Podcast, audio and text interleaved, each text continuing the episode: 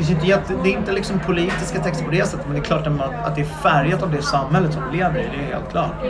Och hur det är att bo i ett land som Sverige överhuvudtaget. Och hur, när det finns en blandning av liksom, eh, folk, så, folk har det alldeles för bra ekonomiskt. Samtidigt finns det ett så här känslomässig kyla mellan folk som börjar spridas mer och mer. Det är så här, jag vet inte, klart jag påverkas av det. Men det är svårt att säga det bokstavligt. Men ta en sån låt som Mannen utanför till exempel säger ju en del om det. Det är inte bara om eh, så här, privata grejer. Det handlar ju också om den världen som vi lever i. I want you to tell me, no, better yet, stand up and tell the class. What do you wanna do with your life?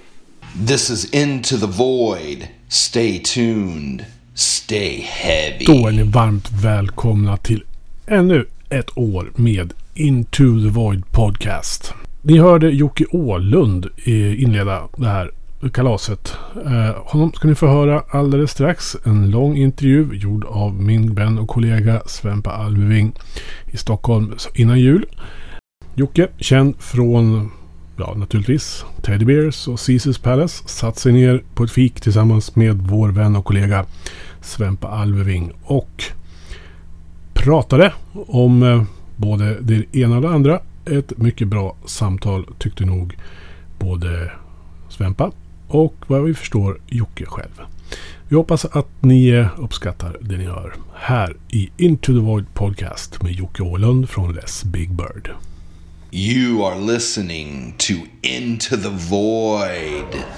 Mitt första minne med artisten som sitter framför mig var jag tror att det var 1996. Det var en sketen byhåla i Norrland där jag växte upp, eh, Sollefteå. Eh, hans band Teddy Bears spelade eh, som huvudakt på ett ställe. De hade just släppt sin andra skiva.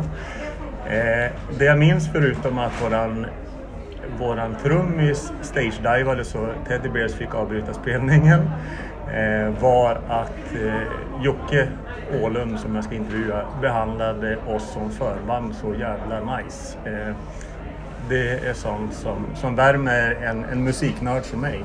Välkommen till Intro the Void Podcast Jocke. Ja, tack så mycket. Jag blir nyfiken direkt. Jag måste fråga. Varför fick eh, spelningen avbrytas? Där... Vad var det som hände?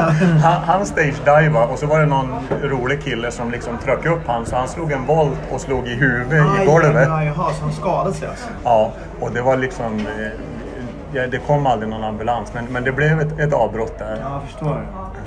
Ja, men det var, det Annars var det oftast god stämning just vad det gäller de där grejerna. Folk, det var ett jävla liv och folk flög som pallvantar hit och dit. Ja. Det var nästan aldrig någon som blev skadad. Nej. Det var alltid fin stämning och alla tog hand om varandra. Ja, men det var nog kanske äh, att det var en, en, liten stad. Det fanns inte så mycket folk. Så efter, efter den där klungan som stod framför scen så ja. fanns det inte så mycket att... Och... Ja, det kan ju ha varit det. Det tog slut. ja, precis. Ja, det var liksom... Mm. Men eh, först, jag tänkte vi ska fokusera på ditt band Les Big Bird. Ja. Eh, men jag måste ju fråga några saker om Teddy Bears. Eh, ni spelade ju förband till Fate No More 1993. Ja, hur, hur fan var det? Ja, det var jävligt kul. Var, eller hur att det var på Cirkus va? Ja. Uh, vi spelade på Cirkus och vi hade tagit in två kompisar till oss som stod på varsin sån här trampetstudsmatta på varsin sida. Flankerade oss på varsin sida scenen. Eh, två liksom mörk, mörka tjejer som hade på sig någon sån här I Love Sweden-tröja Och stod och hoppade upp och ner på de där trampetterna liksom. Som en, som en slags scenshow som vi var jävligt nöjda med. Ja. Det var jävligt kul tycker jag. Jag har inget jättemycket minnen direkt av Faith No More. Men vi måste ju ha stött på dem för det korridorerna där bakom liksom, på Cirkus, det är inte sådär jätte... Det är inte sådär isolerat som det kan vara om man spelar i Globen eller någon ishall eller sånt där. Va? Och det var ju, det är inte stort nu, men det var ju, det var ju säkert inte samma, samma säkerhet. Nu kanske det är mer... Nej, precis. Nej, jag, kommer, jag minns det som att det var en kul spelning för oss, men jag, kommer, jag har ingen rolig minne. Jag önskar jag hade någon rolig anekdot jag kunde dra om eh, om Mike Patton eller någon, någon av de där. Vad heter han andra med krulliga håret? Han, den gitarristen. Jim... Eh, Jim... kommer jag aldrig ihåg Vi får klippa in det så Ja. att det verkar som att vi är skitkunniga. Nej, jag har faktiskt glömt det. Det är en av de hjärncellerna jag super bort det tydligen. Ja, men det är bra. Jag kunde det förr väldigt. Men, men jag tyvärr, jag har ingen rolig historia att berätta om det. Är lite synd. Nej, men det var mitt Jag minns att det var liksom... ett roligt gig i alla fall. Ja. Och det, min- jag minns också, jag läste Nils Hansson eh, beskrev också er där som det var skisser av Fate No More med tredubbla hastigheten. Och så skrev han också att det var uppfriskande kort sagt fast det rasande tempot gjorde också att en spelning på 25 minuter kändes onödigt lång. Jaha, åh jävlar. Ja, det var en maratonspelning. Jag kommer ihåg det på den tiden. Vi brukade ha... Det finns en, ett trumskinn. Som ett sönderslaget snare-trumskinn som vår trummis har gjort en låtlista på. Som sitter fortfarande uppe på Ola Brokvist eh, på Luger, han, Ja. vår bokare. Ja. Han sitter fortfarande uppe på hans kontor. Och där är vår låtlista. Och där är det är någon slags... På de 25 minuterna, jag tror vi klämde in lika många låtar ungefär. Ja. Alltså, det var, vi spelade varenda låt vi hade på den tiden. För det var så jävla korta låtar och snabba låtar. Så att det, om vi skulle hålla, liksom, om, om vårt gig skulle vara, vara så länge som 25 minuter, fick vi spela alla låtar vi kunde och några covers. Det var samma som ni gjorde nu på Cyklopen senast när ni firade You Are Teddy Bears skivan. Då- Ja. Det var en ganska intensiv och snabb gig. Hur, hur, Ja. hur var det liksom? Alltså, Man gill, jag gillar ju det mest också. Jag tycker jag får, får, ganska mycket nog av ett, en, en spelning. Speciellt med den typen av musik. Det räcker med 20 minuter typ. That's it. ja, men det blir ganska... Och sen, sen måste man ta paus eller något eller göra något annat. Så kan man köra ett, ett till. Man kan ju dela upp det i och för sig i olika akter. Ja. Men hur fan gör man? Alltså, det måste ju vara ändå svårt att liksom steppa upp från att Teddy Bears idag, det, det är ju inte sådär jätteintensivt och råröj. Och nu, nu Nej. har ni ju Alltså, några år på... Om man inte kommer som vi gör från eh, liksom, kanske hardcore metal-scenen så, så, är, så för en, Förlåt uttrycket men Svenne Banan så är det ju, de tycker att det är så himla röjigt på våra konserter nu för tiden. Men det är som, som du säger, för dig och mig så känns det lite mer som så här, uh, hissmusik, det vi sysslar med nu. Ja. Jämfört med dem. Men när, när tycker ni att, eh, att när lyfte det liksom? När lyfte Teddy Bears till en helt annan nivå? Eller för, för oss liksom som växte upp i Norrland och när ni kom, det var ju all time värsta, största rockstar från Stockholm. Men, men var ni så stor på den tiden? Stora var vi inte, men det gick nog ganska snabbt för oss till att vi hade en jävla typ så hype på det var jävligt... Folk var väldigt intresserade av det från i stort sett nästan runt ett. Ja. Alltså det var... Stockholm inte heller, jag menar du kommer säga att du kommer från en håla, Stockholm är inte heller så stort. Nej, men det har man När det väl kommer till det, finns kommer dyker upp något band som är, är något speciellt eller har någonting, då sprids ju ryktet ganska fort. Speciellt som det var då en liten scen och liksom ganska nischat där liksom sådär. Så det, det, det, gick, det gick ganska snabbt så började folk liksom snacka om oss en hel del. Eh, Men sen så har det blivit, sen blev det liksom mainstream stort och så. Men det var nog snarare, det var ju nog inte för när vi kom med liksom Rock'n'Roll High School. Den var ju typ så här etta på albumlistan här i Sverige och liksom allt möjligt sånt. Det var liksom, då, var, då, var det, då blev det något annat, det var en annan grej. Men jag tror inte, vi sålde ju inga skivor eller något där. Jag, jag, tror fan, jag tror fan att vi fick någon Grammis-nominering och sånt redan på den första skivan. Och liksom. Det skrevs en massa om oss. va. Jag tänker, vi ska inte uppehålla vid Teddy Bears för jag vill prata mer om Les Big Bird. Men bakom en sån här lång karriär som du har haft, alltså vad är drivkraften? Varför, hur fan orkar man hålla på år ut och år in och skapa? Och du har ju liksom hoppat mellan olika stilar också. Du har ju inte varit verk, alltså, trogen en stil utan du har ju hoppat. Är det liksom en drivkraft i sig att man upptäcker nya? Ja, det är det väl absolut. I visst att försöka utvecklas och liksom hitta nya uttrycksformer och nya sound. Och nytt, mm, det jag är ju en nyfiken person. Jag blir liksom intresserad av nya grejer och jag vill försöka utveckla mig själv. Och det, det är väl en drivkraft. Det säger jag absolut. Men sen, jag får ju fortfarande lite kickar av det här. Annars skulle jag inte hålla på med det. Nej. Ehm, jag, är, mm, jag vet inte. Jag kan inte, kan inte sluta. Det, det är för kul. Sen plus att det är... Jag vet inte. Det är det enda som känns me, li, lite meningsfullt. Ja. Och någonstans är det ju så. Jag, utan att bli för högtravande så har man väl någon slags stark kreativ Jo, eh, men så. det är drivkraft. Någonting måste, man måste göra någonting kreativt. Så är det inte, jag höll på med konst och så också förut. Men det, och vi har gjort film har jag jobbat med. Men sen har ju mer och mer bara musik tagit över. Sen kanske jag gör, visst jag är gärna inblandad i och liksom, jag är intresserad av konst fortfarande. Jag är fortfarande intresserad av film. Jag är in- inblandad och gör till exempel musikvideos eller albumomslag. Det är, menar, en, en del av det är fortfarande inblandat i musikbiten. Men musikbiten har ju mer och mer bara tagit över för mig. Uh, och eh, uh, men man har någon slags skit som måste komma ut liksom. Men hur involverad är du i liksom framtagandet? Det känns ju ändå som Les Big Bird är, är ditt skötebarn. Du, du, du sitter ju i förarsätet, det är ju ing- ingen... Men, men hur involverad är du liksom med skivkonvolut, era videos? 100% in- involverad. Okej. Om jag inte gör det själv så vet jag, eller så styr jag vem som gör det. Mm. Alltså, jag menar Cissi Efremsson gjorde en jättefin video till Tummen Gang till exempel. Det var, men det var ingen eh, annan som kom på att hon skulle göra den. Det var jag som bad henne. Men sen har ju hon gjort hela videon själv. Så Ja. jag har inte lagt mig i där. Utan just i det fallet fick ju hon ganska fria tyglar. Mm. Själv, för att jag litar på henne, för att jag vet och jag gillar hennes grej. Och ibland är det bättre att låta någon, man tar in någon för att man gillar den personens konstnärliga uttryck. Mm. Då är det ju dumt att försöka styra den. Utan då är det bästa man kan göra bara ge, låta den göra sin grej. Liksom, det blir bra. Men, men du liksom Men- sätter ramarna för... Skivomslag, allt. Alltså jag styr väldigt mycket allting sånt annars. Det är klart, det jag tycker är liksom en väldigt, det är anledningen att jag gör det för att jag tycker det är- det är väldigt viktigt med en helhetsgrej. Alltså, jag vill att ett band ska vara i så stor utsträckning som möjligt, en, det ska vara liksom en liten värld. Alltså det ska inte, jag vill inte, jag, det finns, jag kan inte riktigt förstå någon som bara gör musik och sen låter någon annan göra videos, omslag, bla bla bla. Allting liksom visuellt eller som du kommer i kontakt med som fan till ett band. Du vill ju se bandets själ i alla de olika pusselbitarna. Och för att sen koppla ihop det till en, till en värld som är det bandet. Det känns ju mycket rikare. Inte bara att det är så här, ja det här bandet, vad är, det, vad är ett band då i så fall? Det är en, det är en svår, liksom svår inringad grej. Vad är ett band? Ja, är, är det bara de där låtarna som ni spelar in i studion? Finns det ingenting annat? Finns det ingen djupare tanke bakom? Och de band man verkligen gillar är när det känns som att det finns en värld. Att det Va- finns en hel, helgjuten, genomgående liksom röd tråd estetiskt vad det gäller Ja men allt, både det man ser och det man hör och det som sägs i intervjuer, vilka val man gör, vad man väljer att inte säga, vad man väljer att säga, bla bla bla. Om du skulle göra en, en eh, försök till definition, vad, vad är Les Big Bird då? Ja, det är svårt att ringa in så här liksom. I one-liner form så här bara i en intervju.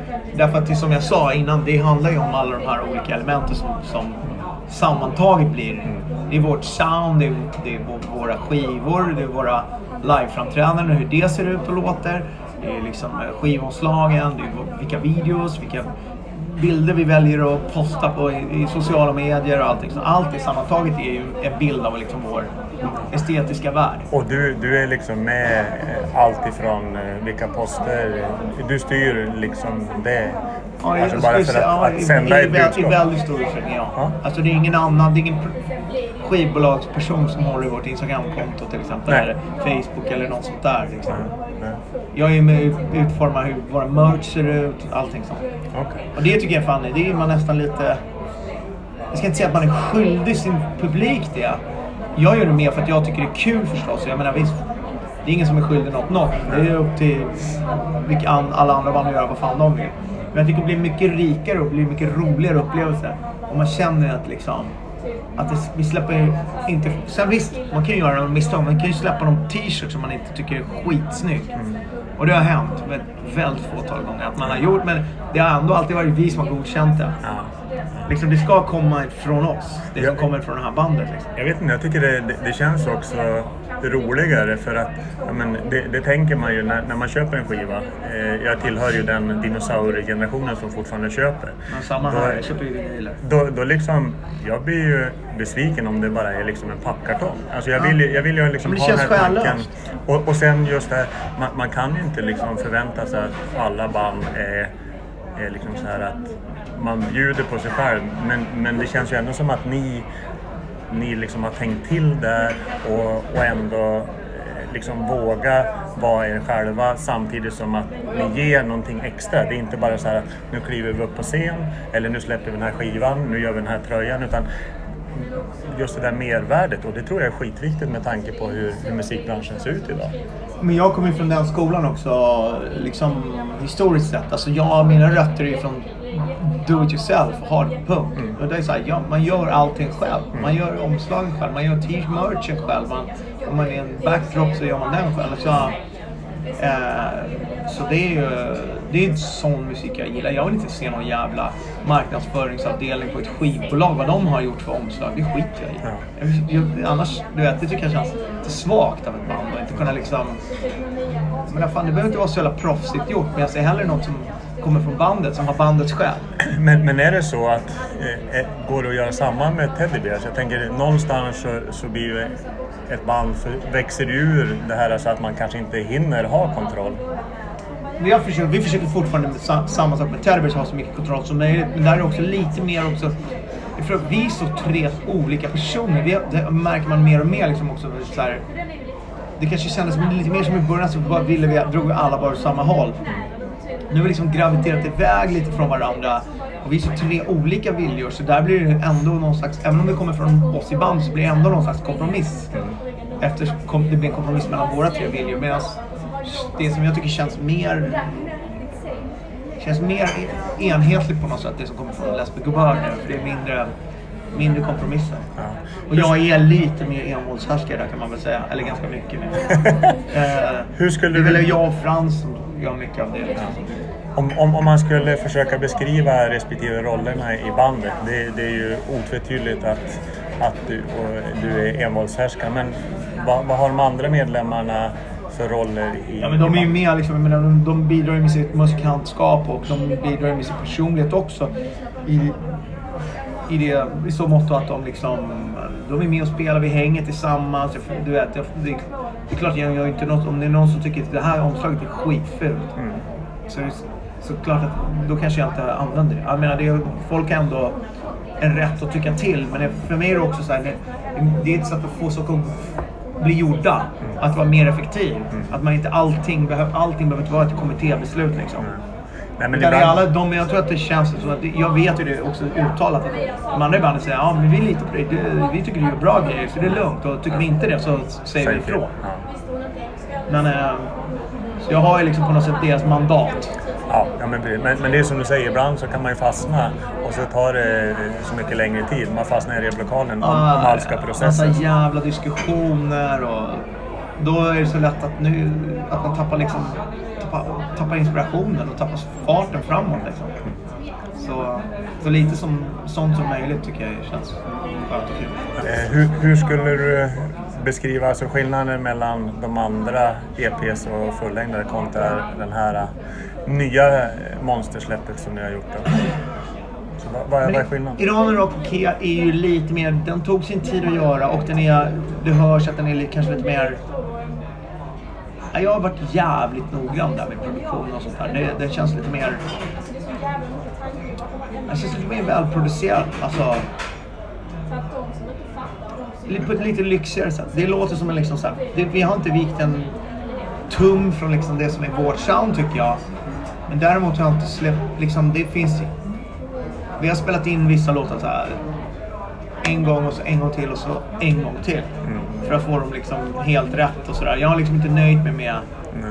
någonting. Jag, det är inte därmed sagt att någonting vi har släppt tidigare, att, att jag liksom nöjer mig med halvdåligt skit. Men det var ju det, en del av det som gjorde att den här skivan tog så lång tid också. var ju så något sätt. Vi hade släppt den förra skivan, den gick bra. Vi gjorde turné, vi turnerade med The Goat ute i Europa. Vi turnerade med Brian Jonestown i Europa. Vi gjorde, spelade borta på Austin Psych Fest. Vi gjorde spelningar i New York. Vi spelade runt. Det började liksom hända saker och bubbla lite. Så vi hade någon slags momentum. Ja. Att vi skulle kunna så här, bygga vidare på det och släppa en skiva till när vi började spela in den här skivan. Men sen så blev det ju, det, har ju ältats i varenda intervju jag gjort hittills inför det här släppet. Att det blev ju lite kaos där när eh, Pete och Anton kom över och det blev hassel i studion och det kapsejsade ju lite grann hela grejen ett tag. Tills jag sen så småningom liksom bestämde mig för att nu, ja, men jag ska ta tag i det i alla fall. Nu, jag kan inte lämna det liksom halvfärdigt för då blir det ännu större misslyckande alltihop. Det finns en historia om när Bellman skulle simma över Engelska kanalen. Så simmade han, och simmade, simmade, han blev tröttare och tröttare. Till slut var det bara... Han såg stranden på andra sidan, det var bara 50 meter kvar. Jag sa, ah, fan vad trött jag är, jag orkar inte längre, nu vänder jag tillbaka. jag, ville, jag ville liksom inte göra det enkelt. Man tänkte så, om han har ändå simmat så långt. Då är det på något sätt, även om det är tungt och jobbigt så får man fan så kändes det som att om det ska sluta på en lyckligt sätt på något sätt. Så, eh, får man, eh, så var det enda sättet att liksom göra klart skivan i alla fall. Och, och det, gjorde jag. Men i och med att jag gjorde det så tog det längre tid allting. Och då försvann det här momentumet som hade kanske byggts upp lite grann. Och det var på ett lite grann en lättnad också. Då är det så här, skit i det. Nu har det tagit så lång tid så nu kan det lika gärna ta ett halvår till. Men tar det så här lång tid däremot, när vi väl kommer tillbaka med någonting. Då måste det vara, då måste inte så här, ja, det måste ju vara så bra för alla andras skull. Utan för min egen skull. Att det släpper jag det, då vet jag att har jag åtminstone gjort det. Då finns det ingenting på den skivan som jag skulle kunnat gjort bättre eller gjort på något annat sätt. Mm. Så Ja. det, på det sättet, det hörs att den är liksom lite mer filad och finslipad och välproducerad. Plus att jag har liksom försökt att sträcka mig mot liksom andra ljudvärldar och utveckla soundet och liksom så här. Jag tycker det hör, jag, jag känner mig ganska nöjd. Jag är ingen sångare heller. Jag började liksom sjunga när vi började spela med det här bandet. Jag har inte sjungit så mycket men jag, jag känner mig nöjdare med vokalerna också på den här nya skivan. Det känns som att jag har utvecklat den sidan och så här. Ja, det är mycket som är skillnad men det blev ett långt svar. Ja, men det är jävligt intressant. Men jag tänkte, jag, jag tänker inte, för som du säger så har, har det ältats vad, vad som gick fel under skivproduktionen. Och för, för mig är det utarrangerat och inte intressant. Men vilka fördelar ser du med att det faktiskt blev som det blev? Ja, men det är väl det som jag säger då att... Eh, att jag... Liksom, när jag tog tillbaka liksom, styrspakarna och tog tillbaka kontrollen över det. Så kändes det som att... Ja, men då eh, tog jag mig verkligen tid och liksom hela det här... All tidspress försvann. Det var bara en grej som var viktig och det var liksom att det skulle bli så jävla bra som jag bara kunde. Typ så, nu släpper jag den här skivan. Det kanske blir det sista vi gör. Vi kanske inte pallar längre. Jag kanske floppar som fan också. Ingen kanske bryr sig. Men då ska jag åtminstone känna att så här, när jag tittar i backspegeln så ska jag veta att jag har liksom gjort det allra bästa jag kan. Och jag ska känna mig nöjd med all, allting som släpps på den här skivan. Kan du, är, är det en medvetenhet? Eh, För jag tänker, om, om man jämför förra fullängdaren och den här så tycker jag ändå det finns en, en svärta, en mela- melankoli i den nya som jag eh, inte... Och, och det kanske bara är att man har ändrat ljudvärdarna men också att, att man ändå har tagit ner hastigheten på låtarna. Är, det- är det så? Ja, Eller det, är bara- nog, det är nog... Det jag, tycker, jag tycker att det finns definitivt bland våra tidigare grejer också. Men Ja, ja. den här melank- melankoliska känslan, det finns definitivt. Inte, i alla låtar, men det Nej. har ju alltid funnits där som ett vikt, viktigt element. Och det är väldigt viktigt för mig. Jag tycker typ att det är det... Jag kan inte lyssna på sånt. Jag kan lyssna på sånt som är kanske tufft. Som man får liksom en... Ja, men som det är drag i. Man, man blir glad liksom av den anledningen för att det är tufft och hårt och låter ballt så här. Visst, det är men sånt som är, har det där under... Liksom liggande, eller ibland inte underliggande utan bara helt enkelt melankoliska sidan också. Det är sånt som berör mig därför det är sånt det är så jag känner mig inuti. Alltså sen är, ibland kan man skita i det och, och dricka några öl och röja och känna att nu har jag vind i håret, nu är det kul så här, men, men det är ju verkligheten är att man har ju en, i, i, liksom, vad heter det, core, alltså i, i mitten av själen där inne på något sätt så är det ju något som är ganska mörkt. så, så att... Så det är sådana saker som berör en liksom. hur, Men sådana grejer, de, det är som du säger, de låtarna fick ta mer utrymme på den här skivan. Och det har varit mer, framförallt både, både musikaliskt och också i texterna. Hur mycket ångest är det att skriva texter? Och ni, ni varvar ju svenska och engelska språket. Mm. Nej, det är sjukt. Eh, det är både väldigt ångestladdat och sen är det samtidigt så otroligt eh, belönande och eh, positivt tycker jag. När man väl får till det. Men när man, när man, när man inte får till det så är det ju fruktansvärt. Det blir, det blir så... eh, Ja, då känner man sig så jävla dum. Då känner man sig som att man är en stor jävla idiot. Är det här, menar du allvar? Är det här det bästa du kan skriva? Är det här, det, när man försöker liksom blottlägga sin själ. Det här är jag liksom. Och så bara, är det det här det du kom upp med? Det är så banalt. Och nu är du så här korkad på riktigt. Fast det är ju så också svårt för att det där banala. Jag, ge, jag försöker, jag gillar att försöka skriva någonting enkelt. Men utan att det blir banalt. Alltså att det är enkelt så att det bara går rätt in och att man kan liksom relaterat, till det. Ska inte, det inte känns för liksom cerebralt och uttänkt och smart och krystat så. Utan Att det på något sätt ska finnas en, en direkthet i det.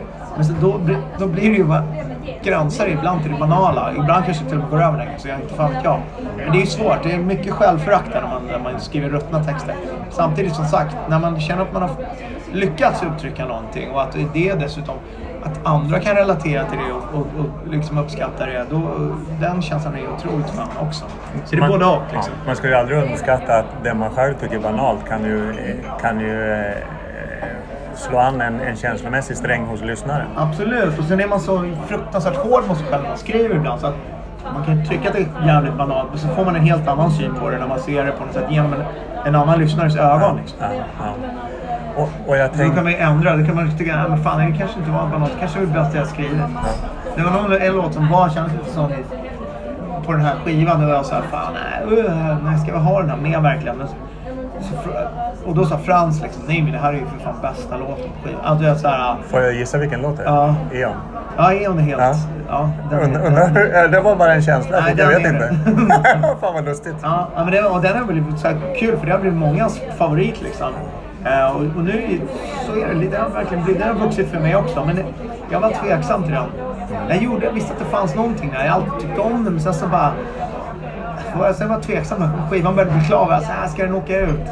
Men det kan ju vara också att man är, att man är rädd för att man tycker att man har blottat sig själv lite väl mycket. Typ. Men är, är texterna självbiografi till stor del? Ja, det måste man nog säga att det handlar ju om äh, saker som man själv har upplevt. Men det behöver inte... Jag kan inte säga att det alltid är Nej, nej. 100% ordagrant Så- perfekta skildringar. För det är, det är det inte. Jag tillåter mig själv att ha lite, vad ska man säga, artistisk frihet där. Ja. Det handlar om att skriva en bra text men om, om man, i första rummet. Men, och inte, men om det ska bli bra så måste man på något sätt veta lite grann vad man sjunger om också. Det kan inte vara liksom hittepå bara. Nej, men det var ju måste ju som- bottna i det själv. Det var ju som jag sa att jag kan inte intervjua band som inte har någon relation för då vet jag inte vad jag ska fråga och det blir jävligt tråkigt. Och jag menar, det är väl det som är häftigt också. Det skapar, alltså jag tycker det är en, en trigger för man, man sitter ju när man lyssnar på texten och så här, vad fan, är det här någonting som, alltså, och så börjar man liksom gå, jag tänker speciellt med Mannen utanför. Som, det, det skulle kunna vara mitt soundtrack till mitt liv. Mm. För att liksom, så här, fan, det här, och så drar man iväg liksom, det var det här jag hade. Så att jag, jag gillar ju sånt när liksom, sen om det, den är självbiografisk eller inte, det är ju skitsamma. Men, men den har ju en jävla underbar text. Den, Ja, det, det måste ju verkligen vara. Ja, men det är ju liksom, ja, men jag, man kan inte skriva, man kan inte bara skriva på saker och som sagt om man inte bottnar i det så, så tror jag inte att folk, eh, det, vi hör folk, alltså, att, det låter, att det inte är sant. Alltså. Nej, nej. Och sen, nej men, eh, jag jag har märkt att också så här, typ, både för mig själv så känns det så mycket mer givande. Men jag märkt också att alltså, folk relaterar ju. Ju mer personlig jag är, desto mer kan de, det som jag tänker, det här handlar om mig. Det här är bara mitt och den är ganska personligt och ganska specifikt. Fan, det här är bara liksom rör mig och mitt liv. Men det ju mer det är så och sant på det sättet, ju mer kan andra människor tycka så här.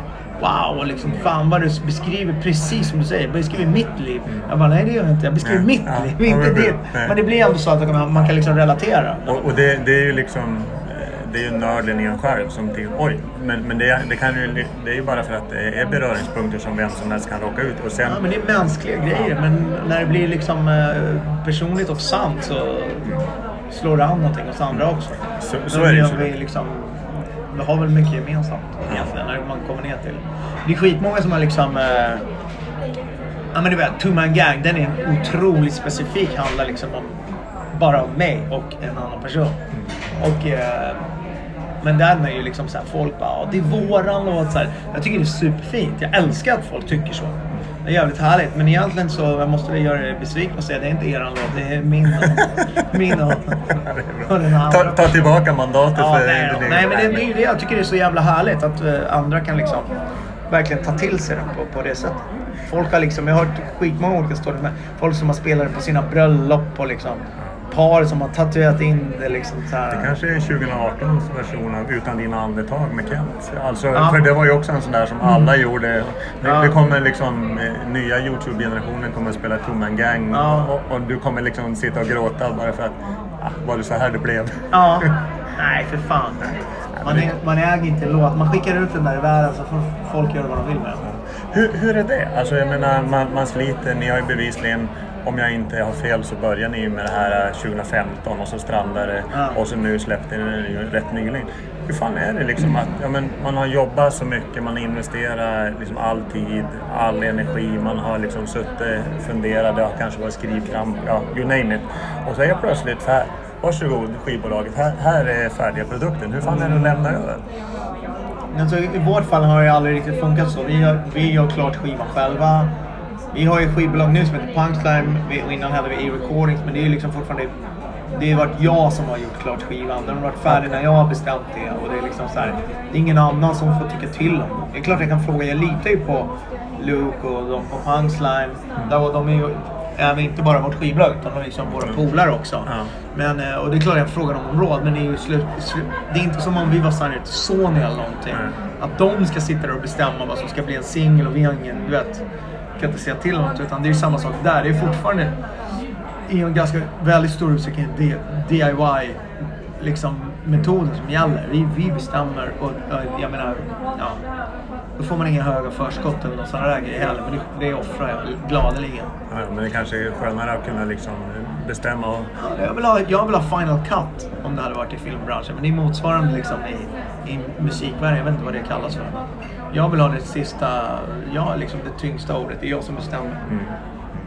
Är det, är det liksom någonting som har växt fram? Alltså jag tänker om du jämför med tidigare. eh, Är det liksom erfarenheter? Varje gång man har liksom låtit sig övertygas om liksom att göra någonting som går mot ens egen instinkt eller vad man känner är rätt själv, vad man vill göra. Varje gång man har gjort det så i längden har man ju alltid blivit fruktansvärt besviken efteråt och känt sig liksom eh, ja, men, eh, våldtagen på något sätt. Alltså man, därför har det, det är ju exakt som du säger, det är klart det vuxit fram att en mer och mer starkare vilja bara få göra saker efter eget huvud. Ju mer, ju längre man håller på. Det tror jag också.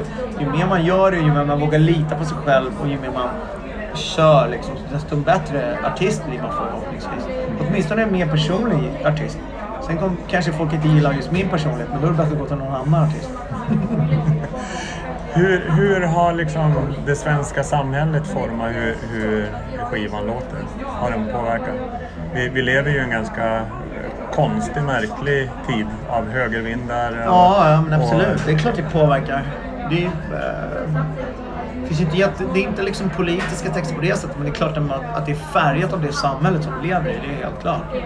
Och hur det är att bo i ett land som Sverige överhuvudtaget. Och hur, när det finns en blandning av liksom, eh, folk, som, folk har det alldeles för bra ekonomiskt.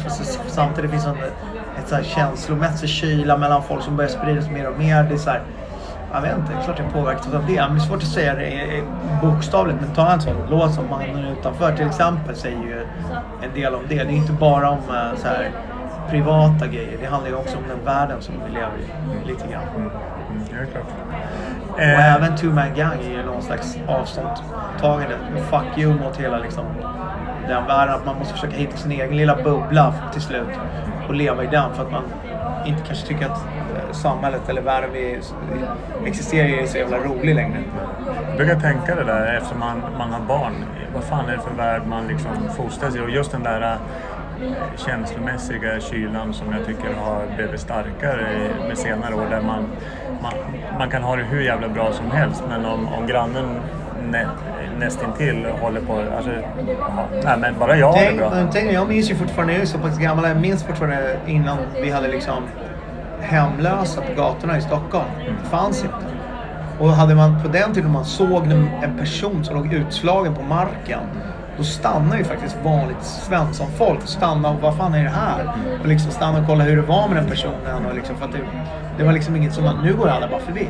Nu ligger blev en folk, folk ligger så här som som skräp på gatorna lite här och där. Folk, ingen höjer på ögonbrynen, ingen stannar, inklusive jag själv. Ja, ja. Man, man har blir- blivit så härdad och van vid det. Liksom. En sån sak, det är vi värsta konstiga utvecklingen. Hur fan kan man gå förbi en människa som ligger livlös på marken?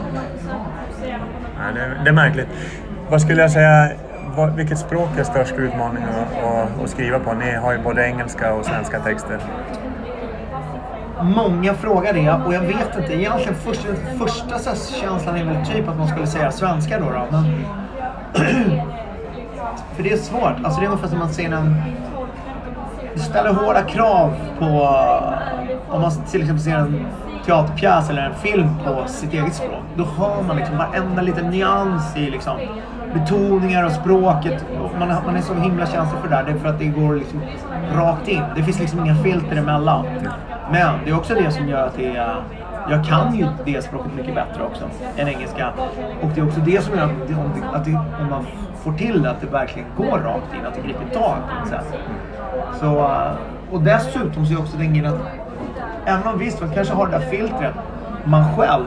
Men det är ju lite grann de, alla människor som lyssnar på, vi har ju inte, vi har ju faktiskt inte bara en svensk publik. Vi har ju liksom, även om vi inte är jättestor så har vi liksom en publik i resten av världen också. Och jag menar de är ju, många av dem är engelsktaliga och det är liksom, man kan inte fuska med det heller. Jag, skulle, jag skulle skämmas ögonen om stod på scen som vi här om helgen när vi var i, London liksom stod och spelade och sjöng en jävla dålig text på engelska. Alltså det är fruktansvärt pinsamt. Det är minst lika pinsamt som att sjunga en dålig text på svenska här hemma i Sverige. Sen märker man också, så, också så konstiga grejer. När vi var i London så kör vi Tumman Man Gang. Det är, jag tror det är första gången vi spelar den låten i, i, utomlands, utanför Sverige. Och man märker att den låten funkade så jävla bra ändå. Fast folk inte förstod texten. Jag körde någon slags freestyle-översättning. Tog lite sån breakdown-parti. Och så berättade jag, förklarade lite vad texten handlade om. Då bara, alla liksom tyckte det var skitmäktigt. Och sen stod alla och försökte sjunga med liksom, fast det var liksom på svenska. Men vi har gjort faktiskt, vi har gjort en... Eh, Matti Alkberg hjälpte mig med det. Eh, gjort- vi har gjort en svensk, eller vad säger jag, en engelsk version av Two Man Gang. Som vi också tänkte släppa. Okej. Så den, eh, men vi, när vi spelar live nu så spelar vi den på svenska. Liksom. Det funkar ändå skitbra. Hade den kommit till om det inte hade tagit så långt mellan fullängderna? Den är inte ens... Jag tror inte att den är inspelad under samma session liksom, utan den är nog inspelad efter uh, uh, den här första, liksom, eh, första sessionen vi hade med Pete eh, och sådär. Så nej, det är absolut inte. Det är jävligt coolt. Men det är också, jag är också nöjd med att den inte kom med på skivan. Det är en singel. Den kom emellan och så kom på, på albumet så trodde väl alla att det skulle liksom vara en... Självklart att den skulle vara med. Men jag bara, nej. Den är redan släppt. Det känns så här fattigt. Vi bjuder på nya låtar. Tio nya låtar och så skiter vi i den där. Det hade Eller ju- skiter i gör vi inte. Det är fortfarande en skitbra låt men den finns ju redan utgiven. Jag, jag tycker det är ganska bra att ni gjorde så. För jag menar, det hade ju varit... Det var ju redan en hit. Det hade ju varit liksom... Ja men det känns lite fattigt. Varför då? Den är ju redan släppt. Så man ger alla 100% nya låtar på skivan. Ja. Eh, läser du vad andra tycker om din musik? Ja, ibland. Jag försöker låta... Alltså, jag tror inte det är så sunt alltså. Både dels från någon som skriver skit om det så blir man helt knäckt. Och inte nödvändigtvis alltid knäckt för att man tror att de har rätt. Utan man bara, man vill bara...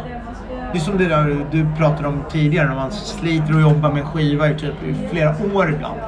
Så lägger man den, det är som att man liksom lägger ut sitt hjärta på en tallrik till folk.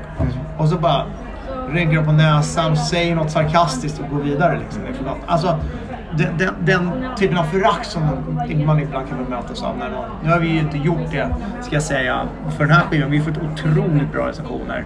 Alltså nästan genomgående. Jag har fan inte läst en enda dålig än tror jag. Men jag tror att det, det är kanske inte sunt åt andra hållet heller. Man,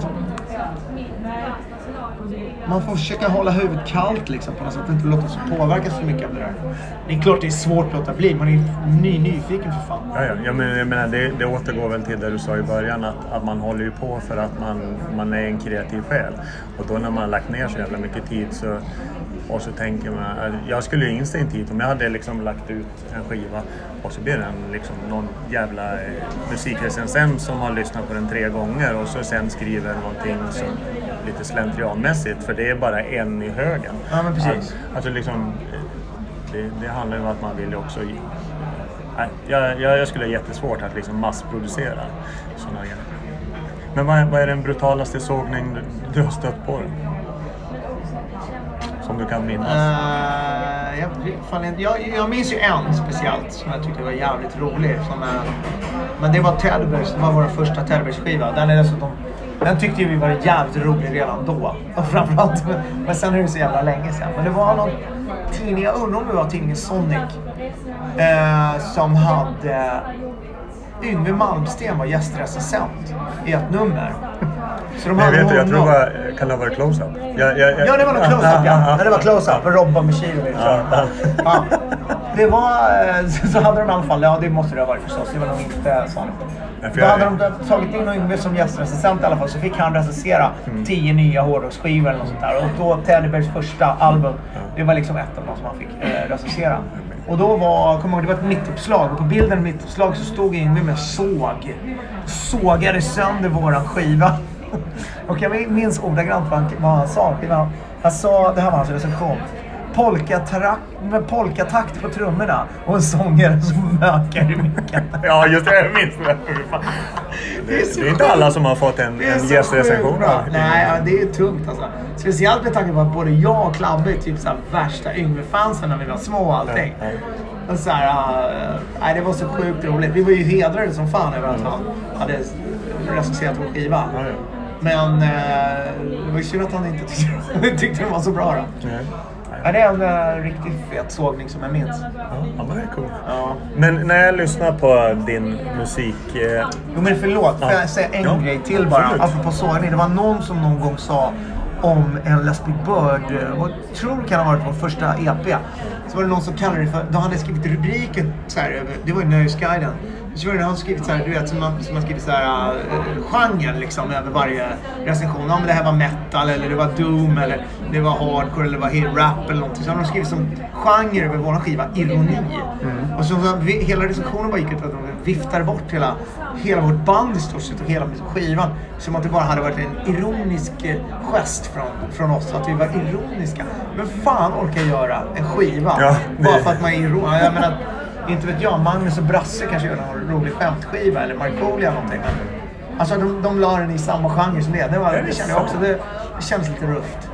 men det, det är precis som man inte liksom tar sig tid. Eller? Men jag tror att det är också en sån här grej, det är så typiskt. Det skulle bara hända här i Sverige.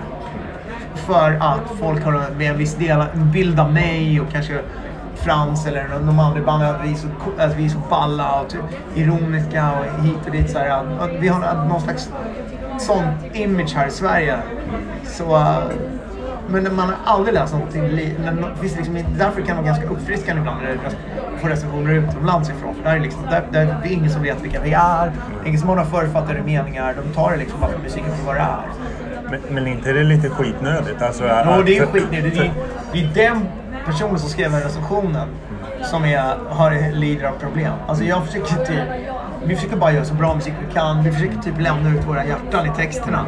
Och så skriver någon jävla idiot att vi handlar om ironi. Då vill man ju, då vill, vill man ju nästan slåss. Alltså.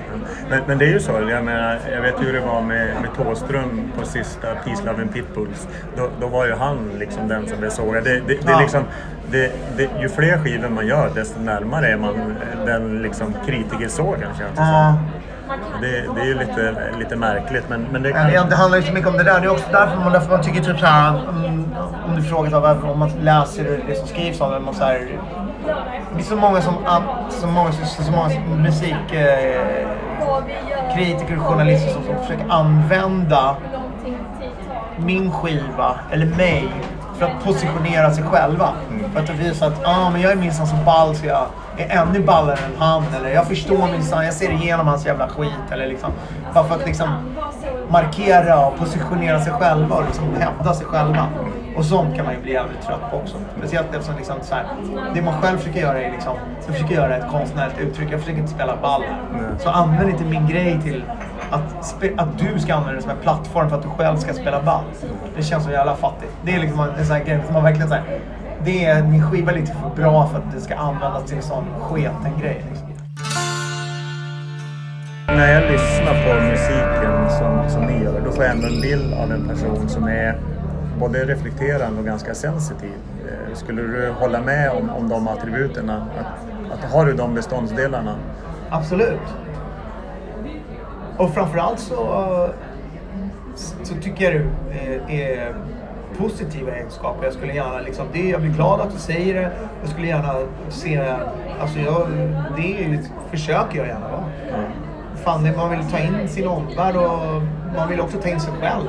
Försöka se vad man gör och försöka bli en bättre person. Och om det finns liksom, och för det så måste man ha lite, ja, men reflektera och ha lite distans till sig själv och sen försöka liksom, ja, våga, våga se sig själv och sina egna brister och misstag och försöka lära sig av dem. Vad, vad Det är inte alltid så kul. Nej, nej, nej, När man alltså- ser att, det är, att de är ganska stora och allvarliga. Det är inte alltid så lätt att göra något åt dem heller. Men är- att försöka åtminstone våga deala med det. är ju... Ja. Det, det är ju lättare om, om, om man får upptäcka dem själv. Alltså, det, Ja, det det, det värsta är ju liksom när någon säger så här. Men du, du, du är så här. Jaha, Ja. är jag så? Ja, och jag kanske innerst inne vet att ja, men de här är inte så skimrande. Men jag vill gärna inte att någon ska adressera mig. Utan jag vill gärna kunna, ja, men jag är ju så här. Och, och så Har någon man... annan påpekat för dig vilka brister du har, då är det jävligt svårt Ja. att liksom ta till dig det och, och bli glad för att de upplyser dig om det. Alltså, det är svårt. Tack, jag bad inte om den här men jag Nej. fick den så jag... Ja. Eh, men jag tänker, vad har de andra i bandet som gör dig till en bättre musiker? Vi spelar ju, fan, vi spelar ju tillsammans och det gillar jag verkligen med det här bandet. Vi, li, vi, vi försöker lira mycket, vi försöker lira bra, vi jobbar mycket på att liksom repa och bli samspelta och få den här hela liksom, den här äh, uh, ensemble banddynamiken verkligen. Det ska låta som ett gäng som lirar tillsammans och att när vi lirar live att det ska vara drag och att det ska sitta ihop och sånt. Det är fruktansvärt eh, viktigt för oss. Och det var ju också en av anledningarna till att vi överhuvudtaget startade det här bandet. Vi kände både jag och Frans att man kanske i de sammanhangen som vi befann oss i just då, att man inte fick utrymme för det här med att typ, ja men att jamma och liksom spela den här typen av just Live är det fortfarande ett större element av det, men också lite grann någon, det där med att vi bara, det var viktigt i början att vi bara typ locka in i ett groove och så kunde vi stå och hålla köra det liksom i halvtimme. Bara för att det är skönt. Bara som att man kliver på ett jävla tåg som aldrig stannar liksom. Eh, det är något slags eh, meditativt i det, något transaktigt liksom. Och att man gör det i en grupp just. Liksom. Man, man, var och en spelar sin lilla pusselbit liksom och låser in i det där groovet och så bara håller man det. Det är något som är otroligt tillfredsställande med det. Och det, det, det är ju liksom eh, den första låten på skivan, eh, med reservation för uttalet, Gerausche. Eh, den, den är ju sån där som bara liksom blir hypnotisk. Ja. Och, och när jag spelar den hemma, eh, då, då säger min fru så här, det händer ju ingenting. Men hör du inte den här lilla skiftningen? Och, det och, det. och, och, det är ju det som är så jävla häftigt. Och så blir det så här, och så blir det liksom så Det här ju transcendentalt. Det händer ju något, men det är... Ja, precis. Men- Men, men jag det- lyssnar mycket på så här Terry Riley och... Och även alltså, det finns, det finns ju element, det finns ju i techno och liksom här grejer också. Jag gillar det. Man, efter fem minuter kommer in en liten hi-hat och man bara åh jävlar vad häftigt, nu händer det det, grejer. blir, det blir så enormt. Ja. Det blir inte den här liksom stora temposkiftningen som det kan vara. Jag har så här breakdown hardcore. Då liksom går det råfort och så bara boom! Ja. Utan det blir den här lilla skiften. Lite- Ungefär som Noi gjorde. Ja, exakt. Det är väldigt mycket kraut, det är väldigt mycket ja, men minimalistisk house och techno. Det är också mycket inom liksom hela drone och transmusiken, typ som uh, Lamont Young eller Terry Riley eller många av de här. Det är liksom... Det är, men jag gillar mycket sånt. Mm. Det, det märks mer och mer. Det är också så här traditionell, eh, alltså klassisk indisk musik och sånt. Där det är liksom raga, kan vara du vet, Pandit Pranab som sjunger så här. Som ett, wobblar mellan tre olika toner i en timme. Men eh, nej, din fru kommer nog mogna till insikt också så småningom. Jag, jag brukar spela det svåra och så sen tar jag någonting lättare som är i samma skola. Och, sånt men, men, det, Men ibland behöver man ju den där inkörsporten. och ibland får man hon bara... För, för att det är någon som är lite mer lättsmält. Det kanske kan ha krautigt beat sådär, men det också har en fin melodi. Då kanske man luras in och sen kan man gå mer och mer hardcore efter, allt eftersom man lär sig. Det var så jag gjorde med den brutala dödsmetallen. Eh, Mm. Jag introducerade det absolut värsta, det som lät som någon stod och, och rapade i kloaken. Ja. Och så drog jag på Cannibal Corpse och bara, ja men det här var ju rätt svängigt. Ja, just det. Det är så Det man får göra. kan man ju sjunga med. Precis. Hur stor eh, påverkan har Charles Manson haft på skivan? Ja, lite, lite påverkan har jag haft. Det är. Uh, Det är en sa snygg ju- referens. Sa? Det är en snygg referens. Ja. Ja, men det var liksom, jag, sa, jag, sa- jag sa det till någon som... Någon tjej som intervjuade som nej, det var någonstans. Jag, att jag var så förvånad. Du är den första som har plockat upp den grejen. Det är ingen som har liksom Jag? fattat Det referensen. här, det här är en annan Ingen intervju. har fattat referensen. Nej. Alltså det är så här... Uh...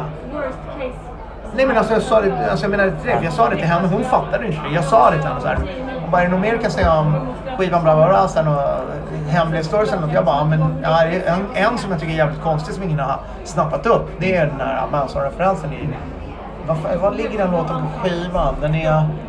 Ja, den är... Sju, åtta Ja, precis. Men äh, den låten gjorde vi faktiskt. Den låten, det, som gjorde att vi fick ha...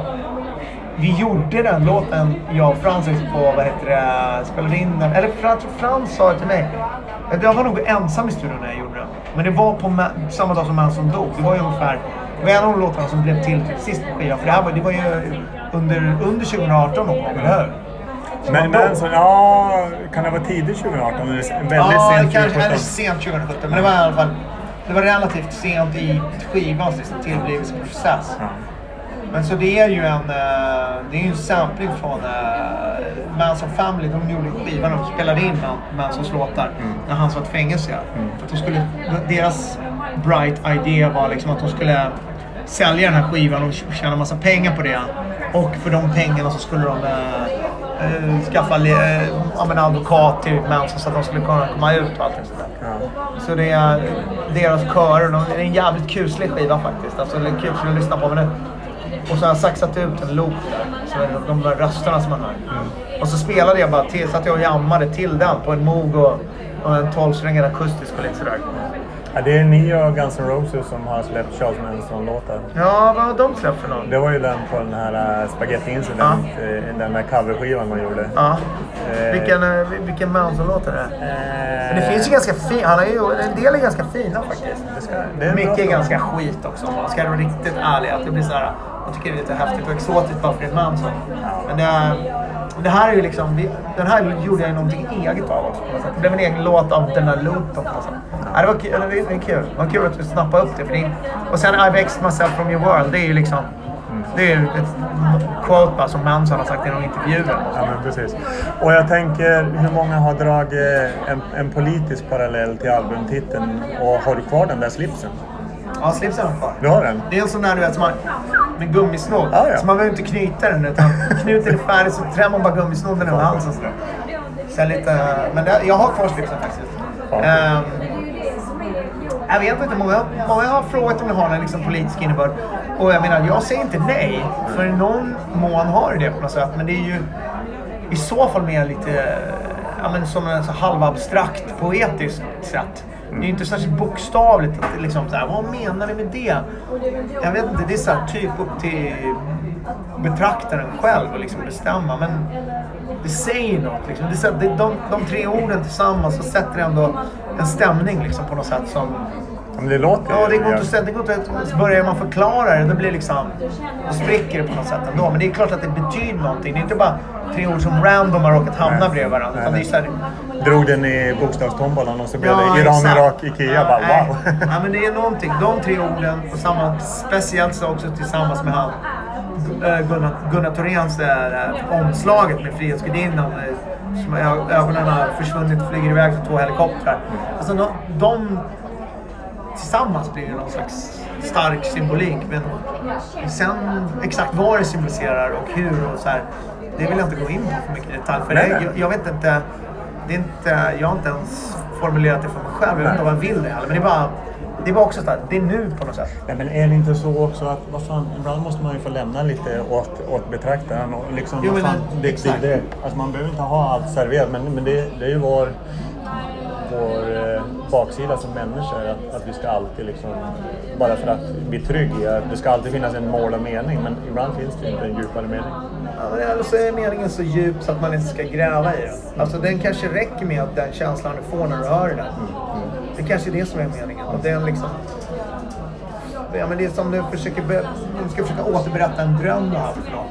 Det blir liksom aldrig, du kan aldrig göra drömmen rättvisa på något sätt. Blir lika roligt som när man ska återberätta ett vänneravsnitt. Ja, som man tycker är tokroligt, men Ja, men när man precis. så här, så här, och så kommer man till pointen och så bara, Ja. vad fan var Och den som lyssnar bara sitter som en fågel och fattar ingenting. Nej, men eh, jag är väldigt nöjd med titeln. Jag är väldigt nöjd med titeln i kombination med omslaget också. Men sen, eh, och det är klart att det betyder någonting. Men jag vet band från Sverige, det var bara titeln i att namnet Ikea finns med. Det är liksom Iran och Rak. Det är så här, ja men du vet, det är klart att det betyder något. Men, eh, Men det är ingen... djupare, ingen eller du vet, någon mer detalj än så vill jag nog inte gå in på. Det ser ingen mening med det heller. nej. Och det, det, det är inte så att, eh, att det är någon ängslig marknadsföringsperson från Ikea som har hört av sig. Det är det som är så sjukt. Det är inte heller något Det är jättekonstigt. Ingen fattar Manson-grejen och ingen har hört av sig från Ikea. Vi var helt hundra på att de skulle göra det. Ja, ja. Jag tänkte så här, någon skitnödig person som bara oj, oj, oj. Nu måste Däremot det här konstverket som har på framsidan. det- Vi visste ju att du har... Jag hoppas jag säger rätt nu att det är Gunnar Thorén och inte Gustav Thorén. Nej, Gunnar Thorén säger jag. Eh, vi visste ju att det var han som hade gjort det. Men däremot så kunde vi inte få tag i någon av... Liksom, han har gått bort, hans fru har gått bort. Jag visste inte vem som förvaltade hans dödsbo eller något där. Så vi bara liksom skrev på skivomslaget tror jag. Är det någon som känner till någonting om det här? Eller vem som har rättigheterna till den här bilden så får ni gärna höra av er. Och där hörde de ju faktiskt av sig. Men så nu har vi löst det med dem. Och så här. Det var inga hard feelings. Men det var, vi, vi, vi hade ju gott uppsåt liksom. Men vi ville så gärna ha bilden så jag tänkte att vi kör. Så i värsta fall får vi dra in skivan. Vi, vi ska börja avrunda, men kan inte du beskriva hur kom den här låten Mannen utanför? Alltså som, som faktiskt rent från hjärtat är bland det finaste som någonsin har skapats av er. Eh, alltså, hur, hur, hur växte den fram? Alltså, vad, hur började det och vad, Ja, det är vad hur blev jättekul att du gillar den. Jag blir jätteglad. Men eh, den har ju lite konstig story ändå. För det var så att för ganska länge sedan så, så skulle vi göra en pressrelease till bandet. Och då tyckte jag och Frans att fan vad tråkigt att ha en pressrelease där det står så här. Åh, de bildades då och då. Deras influenser är det och det. Det kändes så fruktansvärt fantasilöst och osexigt. Eh, eh, så att vi kom på då att vi skulle be Matti Alkberg, vår kompis, som vi också tycker är en jävligt bra poet, att han skulle skriva en, en pressrelease till oss. Och då sa vi så här, du kan skriva vad fan du vill. Skriv en dikt eller någonting. Bara skriv en text som du tycker är kul. En fin eller bra. Och så använder vi den som pressrelease. Det kan bara vara lite, det behöver, det behöver inte handla om oss eller någonting. Det kan vara någon otroligt vag anknytning till Les Big Bird på någonting. Och så skrev man en, en dikt som äh, hette Les Big Bird.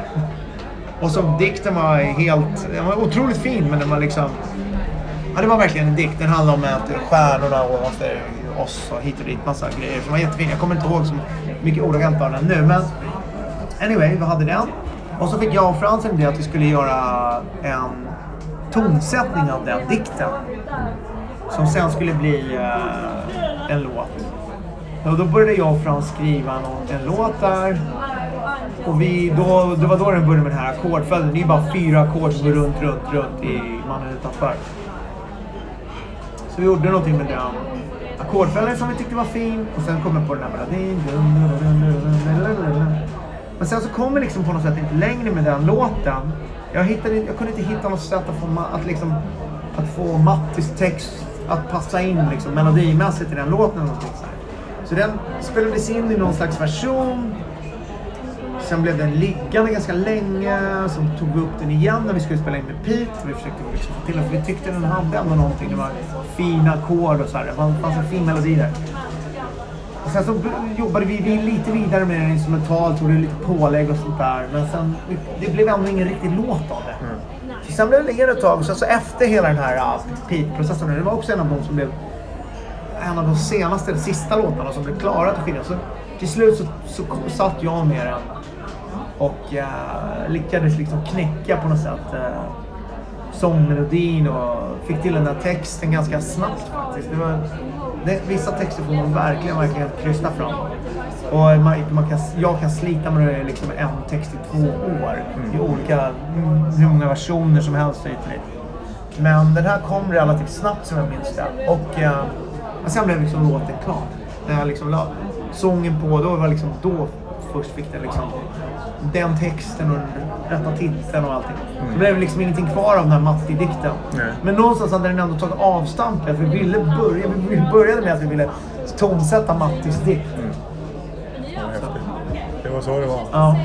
Eh, jag brukar alltid avsluta eh, de här samtalen med ett par frågor från mina barn. För de vill alltid... De vill alltid Ja, just det. Gamla sa att de var 8 och 10 eller? ja, eh, den ena blir åtta på torsdag. Och Det är då man är på toppen av sin känslomässiga klokhet. Sen går det bara ut för. det, det är ju sådär, endast på morgonen när man, när man vaknar, då ligger man steget före. Sen när de har fått i sig frukost, då har de redan gått om en. För då Ja. sitter man där hålögd och Ja. tycker livet är jobbigt. Ja. Och de bara... Ja. I alla fall, eh, hur, hur förändrades livet när du blev pappa? Jag minns det knappt. För det, för det var så sjukt länge sedan. Jag, min, jag fick ju barn. Min äldsta son är 23 nu. Okej. Jag fick barn när jag var 25. Det är bra, bra länge sedan nu. Ehm,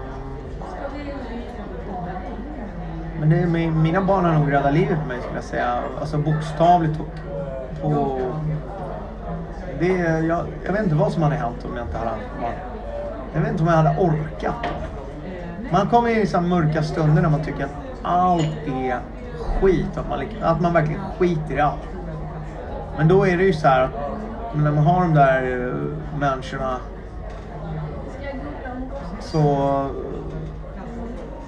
eh, är, de är ju liksom det som lyfter en i de stunderna. Att man så här orkar fortsätta. Att man också faktiskt är tvungen att fortsätta för deras skull. Ehm, så eh, nej, men det är ju världens största klyscha men det är ju liksom det, är det bästa som har hänt mig. Det finns inget snack om den saken. Det är, och de är när man ifrågasätter sig själv och så tycker att fan man är en sån jävla loser och man har inte gjort ett enda rätt i hela livet. Så kan man titta på dem och så säger man, ja men åtminstone tre rätt har jag gjort i alla fall. Och det är de. Någon att det blivit, att de där tre personerna har blivit så jävla grymma som de är. Det är inte, ska jag inte säga helt och hållet min förtjänst, utan det har nog mer att göra med deras mödrar. Men det är liksom, någon liten del har man i det i alla fall och det kan man bli värmd i själen av. Att man inte totalt kraschar sina Ja, barn. exakt. Ja, men det är. Och så är det att man skärper sig. Man vill vara en bra person för, för deras skull. Och för sig själv förstås. Men man ska inte palla se sina barn i facet om man blev så riktigt bottenlöst usel som man annars skulle kunna bli kanske. Vad är, av alla låtar som du har gjort, vilken är den absolut sämsta? Sämsta? Oh shit vad jobbigt. jag vet inte om jag orkar svara på det. Det är så jobbigt att se sig själv i den fula skrattspegeln alltså. Eh... Nej men jag har gjort så jävla mycket skit. Det måste jag säga till alla där ute som håller på och skriver låtar. Man gör ju mycket skit, så är det bara helt enkelt. På en bra låt kanske går tio dåliga, minst. Fler säkert. Jag har gjort overkligt mycket skit. Det är svårt att säga någonting speciellt just nu. Så taskigt också. Tänk om någon gillar just den låten. Ja. Jag skulle kunna säga sämsta lå- låten från sista Be Bird-skivan. Enligt mig. Men det är ju taskigt mot de som gillar den låten. Nej, jag vill, jag vill inte säga någon. Det är för taskigt. Men jag, kan, jag säger inte att det, jag säger ingen, men det beror inte på att det inte finns någon. Nej. Det finns en jävla massa där ute. Ja, det beror på att det är dels är svårt att hit- hitta specifikt en och sen att man inte förstör den för någon annan om det är någon som råkar gilla den. Sista frågan.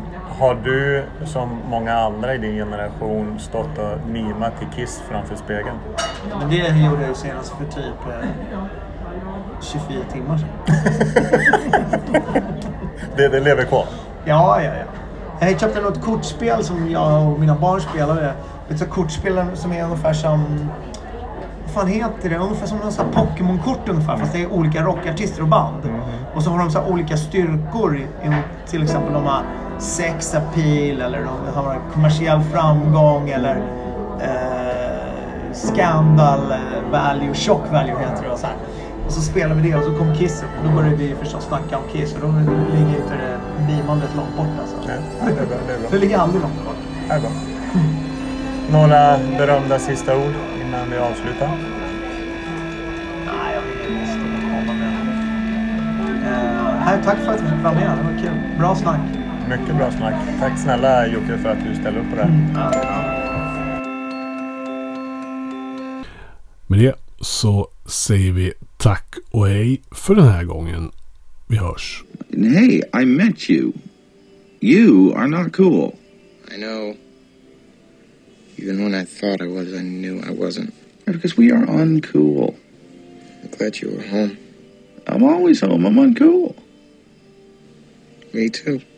You're doing great. You know, the only true currency in this bankrupt world is what you share with someone else when you're